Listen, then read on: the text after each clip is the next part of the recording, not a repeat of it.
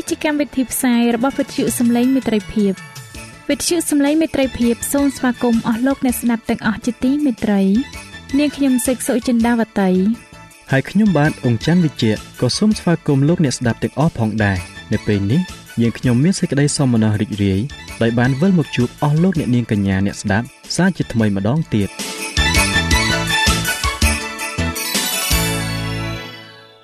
ចា៎លោកអ្នកស្ដាប់ជាទីមេត្រី នាងខ្ញុំសូមគោរពអញ្ជើញអស់លោកលោកស្រីអ្នកនាងកញ្ញាតាមដានស្ដាប់កម្មវិធីផ្សាយរបស់វិទ្យុយើងខ្ញុំដូចតទៅ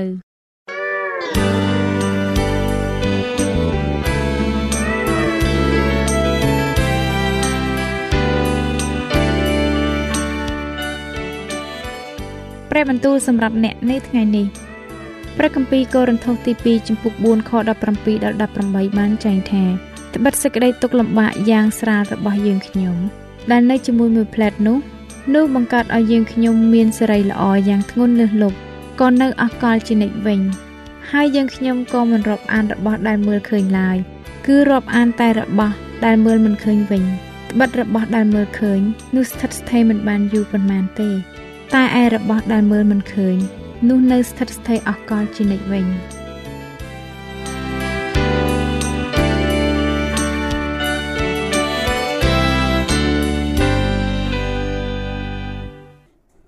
បាទខ្ញុំបាទសូមជម្រាបសួរដល់អស់លោកអ្នកដែលតែងតែនិយមតាមដានស្ដាប់នីតិសបាស្គូលប្រចាំសប្ដាហ៍ជាទីមេត្រីមេរៀនរបស់យើងសម្រាប់សប្ដាហ៍នេះមានចំណងជើងថា លោកយូសែបដែលជាព្រះអម្ចាស់នៃស្រុកអេស៊ីបសម្រាប់លោកអ្នកដែលចង់បានមេរៀននេះប្រើនៅលើទូរស័ព្ទដៃ Android លោកអ្នកអាចទាញយកបានតាមរយៈ Play Store ដោយវាយពាក្យថាខ្មែរសបាស្គូលអស់លោកអ្នកទាំងអស់គ្នាជាទីមេត្រី ឥឡូវនេះលោកយូសែបគឺជាមេដឹកនាំនៅស្រុកអេស៊ីបមិនយូរប៉ុន្មានពួកបងបងរបស់គាត់នឹងក្រាបថ្វាយបង្គំគាត់ជាមិនខាន ពួកគេនឹងមិនដឹងថាបុគ្គលដែលពួកគេ បានក្រាបថ្វាយបង្គំនោះ គឺជាលោកយូសែបនោះឡើយពួកបងបងរបស់លោកយូសែបនឹងលះបង់អំនួតចេញពីចិត្តរបស់ពួកគេ នៅពេលដែលលោកយូសែបបានបង្ខំឲ្យពួកគេនាំបេនយ៉ាមីនមកកាន់ស្រុកអេស៊ីប ពួកបងបងនឹងទូលសូមសេចក្តីមេត្តា ចំពោះលោកបេនយ៉ាមីនពីមេដឹកនាំសាសអេស៊ីបដ៏មានអំណាចម្នាក់នេះនៅពេលដែលពួកគេមានអារម្មណ៍ថា ពួកគេកំពុងតែស្ថិតនៅក្នុងគ្រោះថ្នាក់នៅចុងបញ្ចប់លោកយូសែបនឹងប្រាប់ពួកគេថាគាត់គឺជាប្អូនប្រុសរបស់ពួកគេ ពេលនោះពួកបងបងនឹងបានយល់ថា ព្រះ បានបណ្ដោយឲ្យពួកគេប្រព្រឹត្តអំពើអាក្រក់ ដើម្បីឲ្យទ្រង់អាចប្រទានពរដល់ពួកគេទាំងអស់គ្នានៅពេលក្រោយ យើងអាចរៀនចំណុចជាច្រើនចេញពីរឿងនេះប៉ុន្តែមិនត្រឹមតែលោកយូសែបនោះឡើយយើងក៏អាចរៀនចំណុចជាច្រើនអំពីពួកបងបងរបស់គាត់ផងដែរពួកបងបងបានធ្វើដំណើរទៅមករវាងលោកយូសែបហើយនិងឪពុករបស់ពួកគេ រួមទាំងការសាកល្បងពិបាកពិបាកជាច្រើនដែរដំណើរនឹងការសាកល្បងទាំងនេះ បានជួយឲ្យពួកបងបងនឹកចាំអំពីទង្វើអាក្រក់របស់ពួកគេចំពោះលោកយូសែបហើយនិងឪពុករបស់ពួកគេផង ពួកបងបងក៏បានឃើញទំហំនៃអំពើបាប ដែលពួកគេបានធ្វើទាស់នឹងព្រះ ពួកគេបានយល់ថាព្រះកំពុងតែជំនុំជម្រះពួកគេហើយនៅចុងបញ្ចប់លោកយូសែបបានអត់ឱនទោសឲ្យពួកបងបងរបស់គាត់ពួកគេទាំងអស់គ្នាបានយំហើយនឹងមានអំណរជាខ្លាំងរឿងដ៏ជក់ចិត្តនេះ បានប៉ះពាល់ដល់ចិត្តរបស់យើង ដែលបរិយាយប្រាប់យើងអំពីសារនៃការអត់ឱនទោសលោកយូសែបបានអត់ឱនទោសឲ្យពួកបងបងរបស់គាត់ចំពោះអ្វីអ្វីគ្រប់យ៉ាង ដែលពួកគេបានធ្វើមកលើគាត់តាំងពីអតីតកាលមកអស់លោកអ្នកទាំងអស់គ្នាជាទីមេត្រីលោកយូសែបបានឃើញថាសបិននិមិត្តរបស់ស្ដេចផារ៉ោនគឺបង្ហាញអំពីអ្វីដែលព្រះនឹងធ្វើ លោកយូសែបបានចាប់ផ្ដើមអនុវត្តភ្លាម គាត់បានចែករំលែកអំពីផែនការនៃការអនុវត្តដ៏ឆ្លៀសវៃមួយជាមួយនឹងស្ដេចគាត់បានប្រាប់ស្ដេចផារ៉ោនអំពីអ្វីដែលគាត់ត្រូវធ្វើ ដើម្បីសង្គ្រោះរាជរបស់គាត់តើព្រះមានចំណែកអ្វីនៅក្នុងភាពជោគជ័យរបស់លោកយូសែបអស់លោកអ្នកជាទីមេត្រី ស្ដេចផារ៉ោនបានសូមឲ្យលោកយូសែបដោះស្រាយបញ្ហាអំណត់នេះតែហេតុអ្វីបានជាស្ដេចសម្រេចយ៉ាងដូចនេះ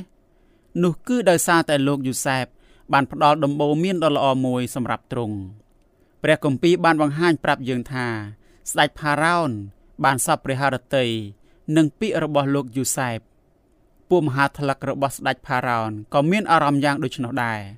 ស្ដេចផារ៉ោនបានទតឃើញព្រះវិញ្ញាណរបស់ព្រះសន្ធិដ្ឋនឹងលោកយូសែបលោកយូសែបស័កសមនឹងធ្វើកិច្ចការនេះជាទីបំផុតដោយសារតែគាត់មានតម្រេះនិងមានប្រាជ្ញាឆ្លៀសវៃ ជាការពិតណាស់យើងបានឃើញថាព្រះបានប្រទានប្រាជ្ញា របស់ទ្រង់ដល់លោកយូសែបដូច្នេះស្ដេចផារ៉ោនបានតែងតាំងលោកយូសែបឲ្យធ្វើជាមេដឹកនាំនៅស្រុកអេស៊ីបនៅពេលដែលយើងក្រឡេកមើលប្រវត្តិសាស្ត្រនៃស្រុកអេស៊ីបនៅពេលនោះយើងក៏បានឃើញដែរថា ពួកស្ដេចផារ៉ោនបានជ្រើសរើសពួកសាសដតីឲ្យធ្វើជាមេដឹកនាំនៅក្នុងស្រុកអេស៊ីបផងដែរ7ឆ្នាំក្រោយ គឺជាពេលវេលាដ៏សម្បូរបែប លោកយូសែបបានប្រមូលស្រូវយ៉ាងសន្ធឹកទុកនៅក្នុងជង្រុកពាសពេញស្រុកអេស៊ីបទាំងមូល ទីសម្គាល់បានបង្ហាញយើងថា ព្រះបានធ្វើការអស្ចារ្យមួយនៅក្នុងស្រុកអេស៊ីបយើងចាត់ទុកពេលវេលា នៃភាពសម្បូរហូរហៀនេះថា ជាព្រះពរមកពីព្រះបានព្រះក៏បានប្រទានពរផ្ទាល់ខ្លួនដល់លោកយូសែបនៅពេលនេះផងដែរលោកយូសែបមានកូនប្រុសពីរនាក់គឺលោកម៉ាណាសេ និងលោកអេប្រាអឹមឈ្មោះដែលលោកយូសែបបានដាក់ឲ្យកូនប្រុសរបស់គាត់នោះបានបង្ហាញយើងអំពីបទពិសោធន៍ដែលលោកយូសែបមានជាមួយនឹងព្រះព្រះបានផ្លាស់ប្ដូរការឈឺចាប់របស់លោកឲ្យទៅជាអំណរវិញដោយដែលឈ្មោះនៃកូនប្រុសរបស់គាត់យ៉ាងដូចនោះដែរឈ្មោះអេប្រាអឹមបានបង្ហាញយើងថា ព្រះបានកែប្រែភាពឈឺចាប់របស់លោកយូសែបឲ្យទៅជាភាពជោគជ័យវិញ ឈ្មោះទាំងនេះគឺជាគំរូដ៏អស្ចារ្យ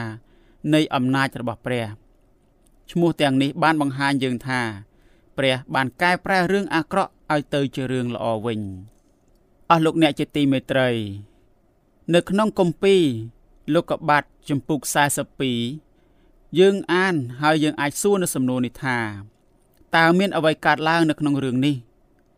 តើរឿងនេះបានបង្ហាញយើងថា ព្រះគឺជាអ្នកគ្រប់គ្រងអ្វីអ្វីដែលបានកើតឡើងនោះដោយរបៀបណាអស់លោកអ្នកជាទីមេត្រីនោះមានអំណត់ពេញនៅផែនដី អំណត់បានធ្វើឲ្យលោកយ៉ាកុបបញ្ជូនពួកកូនប្រុសរបស់គាត់ទៅឯស្រុកអេស៊ីបដើម្បីទិញស្រូវឬក៏ស្បៀងអាហារនៅពេលនោះលោកយ៉ាកុបមិនបានដឹងការពិតនៅឡើយទេប៉ុន្តែមិនយូរប៉ុន្មានគាត់នឹងបានឃើញប្រុសដែលគាត់ធ្លាប់តែគិតថាវាបានស្លាប់ទៅហើយ សុបិនដែលលោកយូសែបបានមានជាយូរមកហើយនោះឥឡូវនេះ បានចាប់ផ្ដើមហើយ លោកយូសែបគឺជាមេត្រួតត្រានៃស្រុកអេស៊ីបគេបានហៅគាត់ថា ជាចៅវាយនៃស្រុកនោះ លោកយូសែបមានអំណាចជាទីបំផុតរីឯពួកបងបងរបស់គាត់វិញ ខ្វះខាតជាទីបំផុត ពួកគេបានក្រាបកាប់មុខដល់ដីនៅចំពោះលោកយូសែបពួកបងបង10នាក់ដដាលនេះហើយ ដែលបានសើចំអកដល់យូសែបនិងសុបិនរបស់គាត់កាលពីប៉ុន្មានឆ្នាំមុនពួកគេមិនជឿថាពួកគេនឹងក្រាបថ្វាយបង្គំដល់លោកយូសែបនោះឡើយតើលោកអ្នកបានឃើញពាក្យថាគេនិយាយគ្នា ដែលមានចែងនៅក្នុងគម្ពីរលោកុបាទចំពុក42ខ21ដែរឬទេយើងបានឃើញពាក្យដដែលនេះនៅក្នុងរឿងអំពីផែនការដ៏អស្ចារ្យដែលពួកបងបងបានរៀបចំទាស់នឹងលោកយូសែបជាយូរណាស់មកហើយ ដូច្នេះរឿងទាំងពីរនេះបានផ្សារភ្ជាប់គ្នាដោយពាក្យទាំងនេះទំនាក់ទំនងនេះបានបង្ហាញយើងថាឥឡូវនេះ ព្រះនឹងបណ្ដោយឲ្យពួកបងបងទទួលរងនៅអ្វីដែលពួកគេបានធ្វើចំពោះលោកយូសែបកាលពីមុនមក ពួកគេបានស្នាក់នៅក្នុងគុកអស់មួយរយៈពេលខ្លីលោកយូសែបបានចំណាយពេលនៅក្នុងគុកនោះផងដែរពួកបងបងបានជឿថា ពួកគេត្រូវចាប់ដាក់គុកដោយសារតែអ្វីដែលពួកគេបានធ្វើចំពោះលោកយូសែបកាលពីមុនមករួចគេនិយាយគ្នាគេថាប្រកាសជាយើងមានទោសដោយព្រោះប្អូនយើងហើយពីព្រោះយើងបានឃើញសេចក្តីទុកព្រួយក្នុងចិត្តវា ក្នុងកាលដែលវាអង្វរដល់យើងនោះ តែយើងមិនបានស្ដាប់តាមវាសោះគឺដោយហេតុនោះឯងបានជាសេចក្តីទុកព្រួយនេះ បានធ្លាក់មកលើយើងរាល់គ្នាវិញ សេចក្តីនេះមានចែងនៅក្នុងគម្ពីរលោកុបាទជំពូក42ខ22ពាក្យទាំងនេះបានជួយឲ្យយើងនឹកចាំអំពីការដាស់តឿនរបស់លោករ៉ូបេនដល់ពួកបងប្អូនរបស់គាត់អំពីលោកយូសែបកាលពីមុនយ៉ាងដូចនេះថាចូលកុំបង្ហូរឈាមវាធ្វើអីដែលមានចែងនៅក្នុងគម្ពីរលោកុបាទចំពុក37ខ22ដូច្នេះរឿងដែលបានកើតឡើងដល់ពួកបងបងនៅក្នុងពេលនេះ គឺដោយសារតែទង្វើដែលពួកគេបានធ្វើកាលពីមុនមក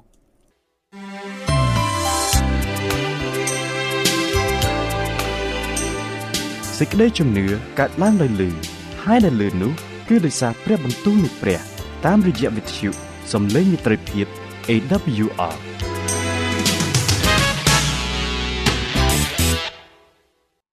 អរលោកអ្នកជាទីមេត្រី លោកយ៉ាកុប កំពុងតែសម្រេចចិត្តអនុញ្ញាតឲ្យពួកកូនកូនយកលោកបេនយ៉ាមីនត្រឡប់ទៅស្រុកអេស៊ីបវិញជាមួយនឹងពួកគេលោកបេនយ៉ាមីនគឺជាកូនប្រុសតែម្នាក់គត់របស់នាងរ៉ាជែលដែលលោកយ៉ាកុបនៅសល់លោកយ៉ាកុបមានការព្រួយបារម្ភជាខ្លាំងខ្លាចក្រែងបាត់បង់បេនយ៉ាមីនទៅដូចជាគាត់បានបាត់បង់យូសែបយ៉ាងដូច្នោះដែរប៉ុន្តែឥឡូវនេះ ស្បៀងដែលពួកកូនកូនរបស់លោកយ៉ាកុបបានទិញមកពីស្រុកអេស៊ីបនោះ បានអស់ទៅហើយលោកយូដាបានសន្យានឹងលោកយ៉ាកុបថាគាត់នឹងធានាថាលោកបេនយ៉ាមីននឹងត្រឡប់មកផ្ទះវិញដោយសុវត្ថិភាពដូច្នេះនៅទីបំផុត លោកយ៉ាកុបក៏បានយល់ព្រមឲ្យកូនកូនរបស់គាត់ចុះទៅឯស្រុកអេស៊ីបជាមួយនឹងលោកបេនយ៉ាមីនទៅអរលោកអ្នកជាទីមេត្រីសូមលោកអ្នកអាននៅក្នុងគម្ពីរលោកុបាទចំពុក43 តើមានអ្វីកើតឡើងនៅក្នុងរឿងនេះនៅពេលដែលលោកបេនយ៉ាមីនចុះទៅឯស្រុកអេស៊ីបនោះតើលោកយូសែបមានអេរយាប័តយ៉ាងដូចម្ដេចនៅពេលដែលគាត់បានឃើញប្អូនប្រុសរបស់គាត់នោះពួកបងបងទាំងអស់បានឈរនៅមុខលោកយូសែបនៅពេលដែលលោកយូសែបបានឃើញលោកបេនយ៉ាមីនភ្លាមគាត់បានអញ្ជើញពួកបងប្អូនរបស់គាត់ឲ្យចូលរួមនៅក្នុងការទទួលទានអាហារដ៏ពិសេសមួយតើលោកអ្នកបានឃើញដែរឬទេថា នៅក្នុងសាច់រឿងលោកបេនយ៉ាមីន គឺជាមនុស្សតែម្នាក់គត់ដែលហៅថាជាបងប្អូនរបស់លោកយូសែបម្យ៉ាងទៀតនៅក្នុងសាច់រឿងលោកបេនយ៉ាមីនគឺជាឈ្មោះតែមួយគត់ដែលមានចែងក្រៅពីនោះ ពួកបងបងដទៃទៀតគ្រាន់តែជាមនុស្សទាំងនេះប៉ុណ្ណោះលោកយូសែបបានហៅលោកបេនយ៉ាមីនថាកូនអើយឈ្មោះនេះ បានបង្ហាញយើងអំពីសេចក្តីស្រឡាញ់ដែលមាននៅក្នុងចិត្តរបស់លោកយូសែបលោកយូសែបបានប្រទានពរដល់ប្អូនប្រុសរបស់គាត់ ព្រះពរនេះបានបង្ហាញយើងអំពីសេចក្តីមេត្តានិងព្រះគុណរបស់ព្រះជាម្ចាស់ព្រះពរនេះក៏បានជួយឲ្យយើងនឹកចាំអំពីគ្រាមួយ នៅពេលដែលលោកយូសែបស្ថិតនៅក្នុងរណ្ដៅផងដែរនៅពេលនោះលោកយូសែបបានសូមឲ្យពួកបងបងបង្ហាញសេចក្តីអាណិតអាសូរនិងសេចក្តីមេត្តាដល់គាត់ប៉ុន្តែពួកបងបងរបស់គាត់បានបដិសេធលោកយូសែបបានបង្ហាញលោកបេនយ៉ាមីននៅព្រះគុណ ដែលពួកបងបងរបស់គាត់មិនបានបង្ហាញដល់គាត់ឡើយពួកបងបងរបស់លោកយូសែបបានភ័យតក់ស្លុតជាខ្លាំងដែលថាពួកគេនឹងត្រូវចាប់ឃុំឃាំងជាមិនខាន ដោយសារតែប្រាក់នៅក្នុងបាវស្រូវរបស់ពួកគេប៉ុន្តែលោកយូសែបបានរៀបចំពិធីជប់លៀងមួយសម្រាប់ពួកគេទៅវិញ ដោយសារតែលោកបេនយ៉ាមីននៅទីនោះដែរនៅក្នុងពិធីជប់លៀងលោកយូសែបបានបង្គាប់ឲ្យពួកបងបងអង្គុយចុះ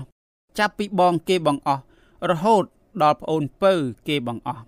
លោកយូសែបបានឲ្យចំណែកភោជនីយអាហារសម្រាប់លោកបេនយ៉ាមីនលើសជាងពួកបងបងដទៃទៀតមួយជា5ភាគដោយតែមានចែងនៅក្នុងគម្ពីរលោកុបាទចំពុក43ខ33និងខ34ប៉ុន្តែពួកបងបងមិនបានច្រណែនដល់លោកបេនយ៉ាមីនដូចជានៅពេលដែលលោកយ៉ាកុបបានបង្ហាញសេចក្តីស្រឡាញ់ដល់លោកយូសែបច្រើនជាងពួកគេនោះឡើយអស់លោកអ្នកជាទីមេត្រី កាលពីមុនលោកយូសែបបានបង្គាប់ឲ្យមេការរបស់គាត់ដាក់ចំណីអាហារនៅក្នុងបាវនៃពួកបងបងរបស់គាត់ប៉ុន្តែលើកនេះ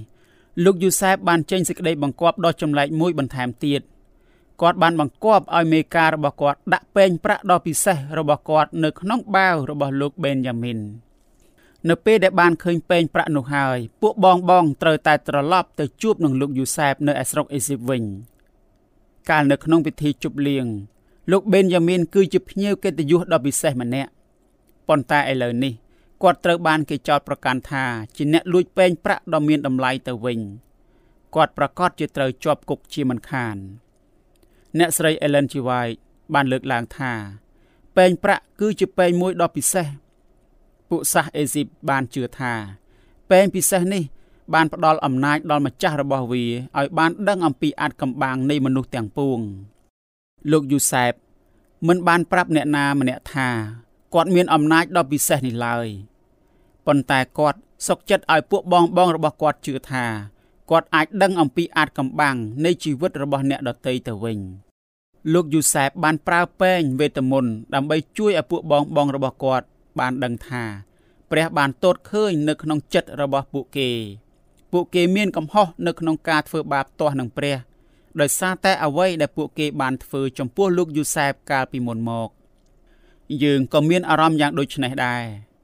នេះគឺជាមូលហេតុដែលលោកយូដាបានប្រាប់ពួកបងប្អូនរបស់គាត់ថា ព្រះបានឃើញសេចក្តីទុច្ចរិតរបស់ពួកគេហើយម្យ៉ាងទៀតពេងក៏ជាការសាកល្បងមួយផងដែរលោកយូសែបចង់ឃើញថា ពួកបងបងនឹងធ្វើយ៉ាងដូចម្ដេច នៅពេលដែលពួកគេបានឃើញលោកបេនយ៉ាមីនត្រូវបានគេដាក់ទោសដោយសារតែការលួចយកពេងនេះអស់លោកអ្នកជាទីមេត្រី ពួកបងបងមានអារម្មណ៍សោកសៅ និងមានវិបដិសេរីជាខ្លាំងពួកគេទាំងអស់គ្នាមានអារម្មណ៍ឈឺចាប់ទាំងអស់ដោយបានគិតអំពីអ្វីដែលនឹងត្រូវកើតឡើងចំពោះលោកបេនយ៉ាមីននោះពួកបងបងមានការព្រួយបារម្ភខ្លាចលោកបេនយ៉ាមីនត្រូវបាត់បង់ទៅ ដោយដែលលោកយូសែបយ៉ាងដូចនោះដែរ នៅពេលនោះបេនយ៉ាមីនក៏នឹងក្លាយទៅជាទាសករម្នាក់នៅក្នុងស្រុកអេស៊ីបដូចជាលោកយូសែបយ៉ាងដូចនោះដែរដូច្នេះហើយបានជាលោកយូដាសុកចិត្តធ្វើជាទាសករជំនួសឲ្យលោកបេនយ៉ាមីនវិញនៅក្នុងរឿងហេតុនោះ ដើម្បីឲ្យលោកបេនយ៉ាមីនអាចឡើងទៅវិញជាមួយនឹងបងបងទៅឲ្យពុកវិញសាច់រឿងត្រង់នេះក៏បានជួយឲ្យយើងបាននឹកចាំអំពីជាមឈ្មោលដែលត្រូវបានសម្លាប់ ដើម្បីឲ្យលោកអ៊ីសាបានរួចជីវិតផងដែរលោកយូដាបានលះបង់ខ្លួនគាត់ទុកជាយ៉ាញ់បូជាជំនួសវិញគាត់នឹងទទួលខុសត្រូវចំពោះសេចក្តីអាក្រក់ទាំងអស់ដែលបានកើតឡើង នៅពេលនោះគាត់ក៏អាចសង្គ្រោះឪពុករបស់គាត់ចេញពីទុក្ខព្រួយនៃការបាត់បង់បេនយ៉ាមីនបានដែរនៅពេលដែលលោកយូដាប្រាប់យូសែបអំពីសេចក្តីអាក្រក់ដែលនឹងត្រូវកើតឡើងចំពោះអាវី ដែលជាភាសាហេប្រឺប្រែថាឪពុករបស់ខ្ញុំ នោះតើអ្នកឃើញមានអ្វីកើតឡើងបន្ទាប់ទៀតគឺនៅពេលដែលលោកយូសែបបានបន្លឺវិចារឡើង នៅពេលនោះគាត់បានថ្លែងឲ្យពួកបងប្អូនស្គាល់ខ្លួន នៅក្នុងគម្ពីរលោកុបាទចំពុក45ខ1អ្នកប្រាជ្ញខាងឯព្រះគម្ពីរតែងតែប្រើពាក្យទាំងនេះដើម្បីជួយឲ្យយើងមើលឃើញ នៅពេលដែលព្រះបានបង្ហាញអង្គទ្រង់ដល់រាជរបស់ទ្រង់ ដោយតែមានចែងនៅក្នុងគម្ពីរនិខាម៉ាណាំងចំពុក6ខ3អេសេគៀលចំពុក20ខ9ជាដើមដូច្នេះយើងអាចមើលឃើញថា ព្រះក៏បានបង្ហាញអង្គទ្រង់នៅក្នុងសាច់រឿងត្រង់នេះផងដែរឥឡូវនេះពួកបងបងទាំងអស់គ្នាបានឃើញថា ព្រះអម្ចាស់គឺជាអ្នកគ្រប់គ្រងអ្វីអ្វីទាំងអស់ទោះបីជាពួកគេបានសាងកំហុសកាលពីមុនយ៉ាងណាក៏ដោយ ពួកបងបងរបស់លោកយូសែបសឹងតែមិនជឿទៅលើអ្វីដែលពួកគេបានឮនិងបានឃើញនោះឡើយម្លេះហើយលោកយូសែបត្រូវតែនិយាយម្ដងទៀតថាខ្ញុំនឹងហើយជាយូសែបជាប្អូនរបស់បងបងដែលមានចែងនៅក្នុងគម្ពីរលោកុបាទជំពូក45ខ4លោកយូសែបត្រូវតែប្រាប់ពួកគេបន្ថែមទៀតបងបងបានលក់ឲ្យគេនាំយកមកស្រុកអេស៊ីបនេះតលតែគាត់និយាយបែបនេះ ទើបពួកបងបងជឿទៅលើពាក្យសម្ដីរបស់គាត់លោកយូសែបបានប្រកាសថា ព្រះទេតា ដែលទ្រង់ចាត់ខ្ញុំមកកាន់ស្រុកអេស៊ីបនេះមុន ពាក្យទាំងនេះ បានជួយឲ្យពួកបងបងមើលឃើញចំណុចពីរយ៉ាង ចំណុចទី1លោកយូសែបមិនមានអារម្មណ៍មិនល្អចំពោះបងបងរបស់គាត់នៅក្នុងចិត្តនោះឡើយចំណុចទី2ពាក្យទាំងនេះបានបង្ហាញយើងអំពីសេចក្តីជំនឿរបស់លោកយូសែប ក៏ដូចជាសេចក្តីសង្ឃឹមរបស់គាត់ផងដែរអ្វីដែលបងបងបានធ្វើចំពោះលោកនោះសំខាន់ជាទីបំផុតអស់លោកអ្នកជាទីមេត្រីលោកយូសែបបានប្រាប់ឲ្យពួកបងបងរបស់គាត់ឡើងទៅឯឪពុករបស់គាត់ដើម្បីអញ្ជើញគាត់ឲ្យមកកាន់ស្រុកអេស៊ីបវិញលោកយូសែបបានប្រាប់ពួកគេអំពីកន្លែងដែលពួកគេនឹងត្រូវស្នាក់នៅ គឺថាពួកគេនឹងត្រូវមករស់នៅលើទឹកដីហ្គូសែន ទឹកដីហ្គូសែនមានភាពល្បីល្បាញនៅពេលនោះដោយសារតែវាលស្មៅដ៏សម្បូរបែបរបស់វា លោកយូសែបបានប្រាប់ពួកបងបងរបស់គាត់ថា ទឹកដី Gosen គឺជាកន្លែងដ៏ល្អបំផុតនៅក្នុងស្រុកអេស៊ីបដែលមានចែងនៅក្នុងគម្ពីរលោកុបាទចំពុក45ខ18និងខ20លោកយូសែបបានឲ្យរទេះសេះដល់ពួកបងបងត្រឡប់ទៅឯផ្ទះរបស់ពួកគេវិញរទេះសេះទាំងនេះគឺជាភ័ស្តុតាង ជួយឲ្យលោកយ៉ាកុបមើលឃើញថា ពួកកូនកូនរបស់គាត់មិនបានកុហកពីបទពិសោធន៍របស់ពួកគេនៅឯស្រុកអេស៊ីបនោះឡើយនៅពេលដែលលោកយ៉ាកុបបានឃើញរទេះសេះទាំងនេះគាត់បានជឿថាលោកយូសែបពិតជានៅមានជីវិតនៅឡើយមែនបន្ទាប់មកលោកយ៉ាកុបបានភ្ញាក់ខ្លួនឡើងវិញឥឡូវនេះអ្វីអ្វីគ្រប់យ៉ាងបានល្អប្រសើរវិញហើយកូនប្រុសទាំង12របស់លោកយ៉ាកុបសុទ្ធតែនៅរស់ទាំងអស់ លោកយ៉ាកុបត្រូវបានគេហៅថាជាអ៊ីស្រាអែលម្ដងទៀតរឿងនេះបង្ហាញយើងអំពីព្រះគុណរបស់ព្រះតាមវិធីដ៏អស្ចារ្យអ្នកស្រី Ellen G. White បានលើកឡើងថា ពួកកូនប្រុសរបស់លោកយ៉ាកុបបានស្នាក់នៅក្នុងគុកអស់រយៈពេល3ថ្ងៃ3ថ្ងៃនេះបានធ្វើឲ្យចិត្តរបស់ពួកគេសោកសៅជាខ្លាំងពួកគេបានគិតអំពីកំហុសដែលពួកគេបានធ្វើកន្លងមក លើសពីនេះទៅទៀតនោះ ពួកគេក៏បានគិតអំពីកំហុសដែលពួកគេបានធ្វើខុសចំពោះលោកយូសែបផងដែរពួកគេបានប្រព្រឹត្តយ៉ាងខុសខើចំពោះគាត់ពួកគេបានគិតថា ពួកគេនឹងទទួលទោសពីបទនៃអ្នកស៊ើបការជាមិនខាន ប្រសិនបើពួកគេគ្មានភ័ស្តុតាងបង្ហាញថាពួកគេស្អាតស្អំនោះទេ ពួកគេនឹងត្រូវស្លាប់ជាមិនខានឡើយឬមួយពួកគេនឹងអាចคล้ายទៅជាទាសករក៏ថាបាន ដោយដែលពួកគេបានលក់លោកយូសែបទុកជាទាសករយ៉ាងដូចនោះដែរឥឡូវនេះ ពួកគេក៏បានភ័យព្រួយខ្លាចក្រែងព្រះនឹងដាក់ទោសពួកគេឲ្យคล้ายទៅជាទាសករលោកយូសែបបានដឹងថាឪពុកនិងក្រុមគ្រួសារនៃពួកបងបងរបស់គាត់ប្រហែលជាខ្វះស្បៀងមែនហើយលោកយូសែបក៏បានដឹងថាពួកបងបងរបស់គាត់ពិតជាមានការសោកស្ដាយចំពោះទង្វើដែលពួកគេបានធ្វើមកកាន់គាត់ក្នុងអតីតកាល លោកយូសែបក៏បានឃើញទៀតថា ពួកគេមិនបានធ្វើបាបលោកបេនយ៉ាមីនដោយដែលពួកគេបានធ្វើមកលើគាត់នោះដែរលោកយូសែបសប្បាយចិត្តជាខ្លាំងគាត់បានដាក់ការសាកល្បងមួយដល់បងបងរបស់គាត់ ហើយពួកគេបានជាប់នឹងការសាកល្បងនោះឥឡូវនេះ លោកយូសែបមានផោះតាងបញ្ជាក់ថា ពួកបងបងរបស់គាត់ពិតជាបានសោកស្ដាយចំពោះអំពើបាបរបស់ពួកគេពិតមែនឲ្យលោកអ្នកជាទីមេត្រី នៅចុងបញ្ចប់នៃមេរៀននេះខ្ញុំសូមលើកយកនៅខគម្ពីរមួយមកជូនដល់អស់លោកអ្នកដែលជាខចងចាំ គឺនៅក្នុងគម្ពីរលោកុបាទចំពុក41ខ41ដែលបានចែងថារួចផារ៉ោនទ្រង់មានបន្ទូលទៅយូសែបថាណែយើងតាំងឯងឲ្យត្រួតត្រាលើស្រុកអេស៊ីបទាំងមូលហើយអស់លោកអ្នកជាទីមេត្រីតើមេរៀនសម្រាប់សប្តាហ៍នេះ បានលើកទឹកចិត្តដល់អស់លោកអ្នកយ៉ាងណាដែរ សង្ឃឹមថារឿងរ៉ាវទាំងអស់នៅក្នុងជីវិតនិងក្រុមគ្រួសាររបស់លោកយូសែបបានជាឧទាហរណ៍ជាមេរៀនដ៏ល្អល្អសម្រាប់ជួយពង្រឹងនៅសេចក្តីជំនឿរបស់អស់លោកអ្នកគ្រប់គ្រប់គ្នាកម្មវិធីយើងនឹងវិលត្រឡប់មកជួបអស់លោកអ្នកជាថ្មីម្ដងទៀតនៅសប្ដាហ៍ក្រោយសូមអរគុណសូមជម្រាបលា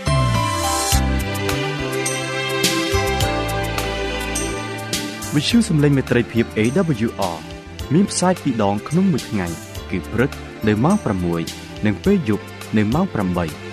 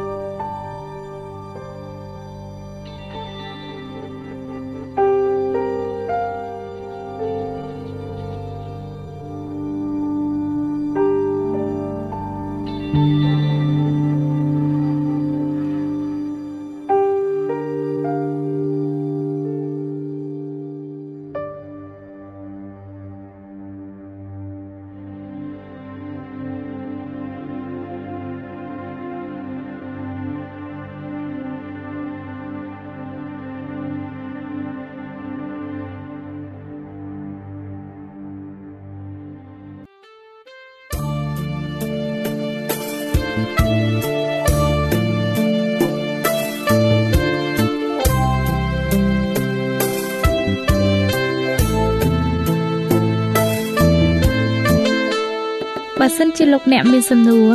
ឬសំណុំពរអ្វីសូមតាក់ទងមកការិយាល័យវិទ្យុយើងខ្ញុំ តាមអាស័យដ្ឋានផ្ទះលេខ15ផ្លូវលេខ568សង្កាត់បឹងកក់2ខណ្ឌទួលគោករាជធានីភ្នំពេញលោកអ្នកក៏អាចសរសេរសម្បត្តិផ្ញើមកយើងខ្ញុំ តាមរយៈប្រអប់សម្បត្តិលេខ488ភ្នំពេញឬតាមទូរស័ព្ទលេខ012 34 96 64ឬ097 80 81 060ឬក៏តាមរយៈអ៊ីមែល vol@awr.org យើងខ្ញុំរងចាំទទួលស្វាគមន៍អស់លោកអ្នកនាងដោយក្តីសោមនស្សរីករាយហើយលោកអ្នកក៏អាចស្ដាប់កម្មវិធីនេះឡើងវិញដោយចូលទៅកាន់ website របស់វិទ្យុយើងខ្ញុំ តាមរយៈអាស័យដ្ឋាន www.awr.org